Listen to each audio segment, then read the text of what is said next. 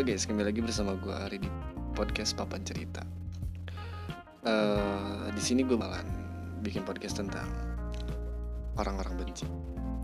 Berbicara tentang orang-orang benci itu tidak luput dengan orang-orang yang mencintai. Dua hal yang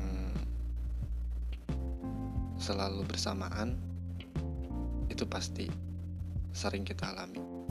Ya gak sih? di dunia ini tuh sebenarnya nggak jauh dari orang yang membenci dan orang yang mencintai. Tetapi kita ngebahas tentang orang yang membenci. Berbicara tentang orang yang membenci sebenarnya banyak banget banyak banget gitu yang yang kita bahas. Tetapi di sini sesingkatnya aja ya. Jadi orang yang membenci itu bukan hanya orang lain aja sebenarnya. Di sisi lain kayak keluarga saudara-saudara kalian sepupu-sepupu kalian pun pasti ada yang benci sama kalian dari salah satu dari mereka gitu. Berbicara tentang orang lain itu pasti. Pasti ada orang yang gak suka sama kita baik dalam gaya kita berbicara kita perilaku kita pasti mereka gak suka bagaimana cara menanggapinya ya? Kalau menurut gue gue tipe kalau orang yang bodoh amatan. Untuk menghadapi orang-orang yang membenci gue gitu. Karena pada pada dasarnya ketika kita melakukan atau ketika kita ingin uh, supaya orang yang membenci kita itu menyukai kita kita melakukan apa pun yang kita bisa ya tetap aja sih orang yang membenci kita tetap benci. Tetap pada dasarnya. Tapi jangan jadikan itu sebagai masalah.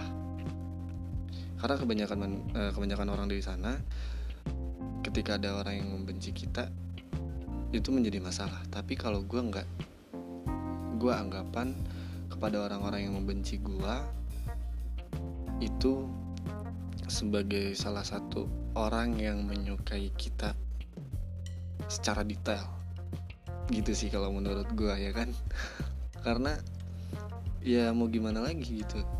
Cuman mereka aja yang tahu tentang kekurangan kita kesalahan-kesalahan kita. Karena ketika kita melakukan sesuatu pasti yang dilihat adalah segi kekurangan kita. Contoh kayak lu uh, lagi perform di panggung. Ada orang yang membenci gitu kan. Pasti ketika lu perform itu lu melakukan hal yang yang bagus hal yang uh, apa memberikan yang terbaik gitu. Pokoknya sisi kekurangan lu itu nggak ada di saat lu perform.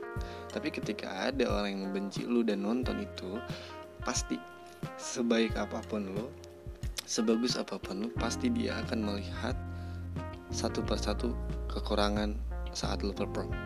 Dan itu bakalan jadi sindiran dan cacian untuk lo bukan masalah itu nggak masalah. Justru ketika orang yang membenci lo itu berbicara tentang kekurangan lo dan istilah kata kayak ngehina lo jangan jadikan hinaan itu jangan jadi uh, kritikan itu sebagai salah satu uh, salah satu apa ya namanya kejelekan lu. Jangan ambil sisi negatifnya tapi ambil sisi positifnya. Ketika banyak orang yang membenci lu anggapan itu adalah orang-orang yang benar-benar mencintai kita dengan segi membenci gitu ya paham kan maksud gue kalau misalkan lu berbicara kepada orang yang mencintai lu lu nanya ke orang yang mencintai lu dia nggak nggak peduli. Lu mau mau seperti apa lu mau bagaimana dia nggak peduli. Gue tetap suka lu gue tetap cinta sama lu begitu kan? Tapi kalau misalkan lu lu pun berbuat yang baik lu berusaha untuk jadi yang lebih baik agar orang yang membenci lu itu uh, beralih ke mencintai lu itu sulit gitu. Karena pada dasarnya orang-orang seperti itu akan akan konsisten pada titiknya masing-masing gitu. Akan akan tetap pada posisinya tetap membenci lu. Nah bagaimana cara menanggapinya? Ya udah ketika ada orang yang membenci lu lu nggak usah peduliin mereka kalau misalkan ada masukan begini-begini dan omongan cacian hinaan dari mereka lu jadikan uh, sisi positifnya.